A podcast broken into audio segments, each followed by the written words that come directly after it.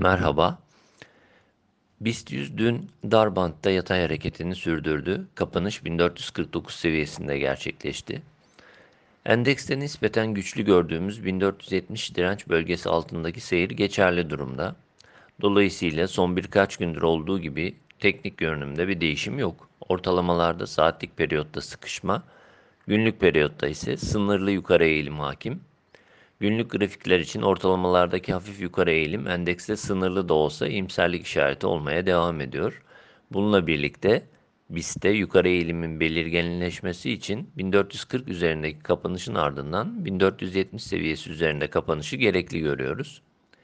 BIST yüzde düşüş öncesi son yatay kanalın alt sınırı olan bu seviye üzerine geri dönüş, olumlu teknik görünümün kuvvetlenmesi ve yeni bir yukarı hareketinde başlangıcı olarak değerlendirilebilir. Endekste 1430 seviyesini yakın destek bölgesi, 1400 seviyesi altı ise kısa periyot için ortalamalarda yeni bir zayıflama sürecinin yaşanabileceği bölge olarak görülebilir.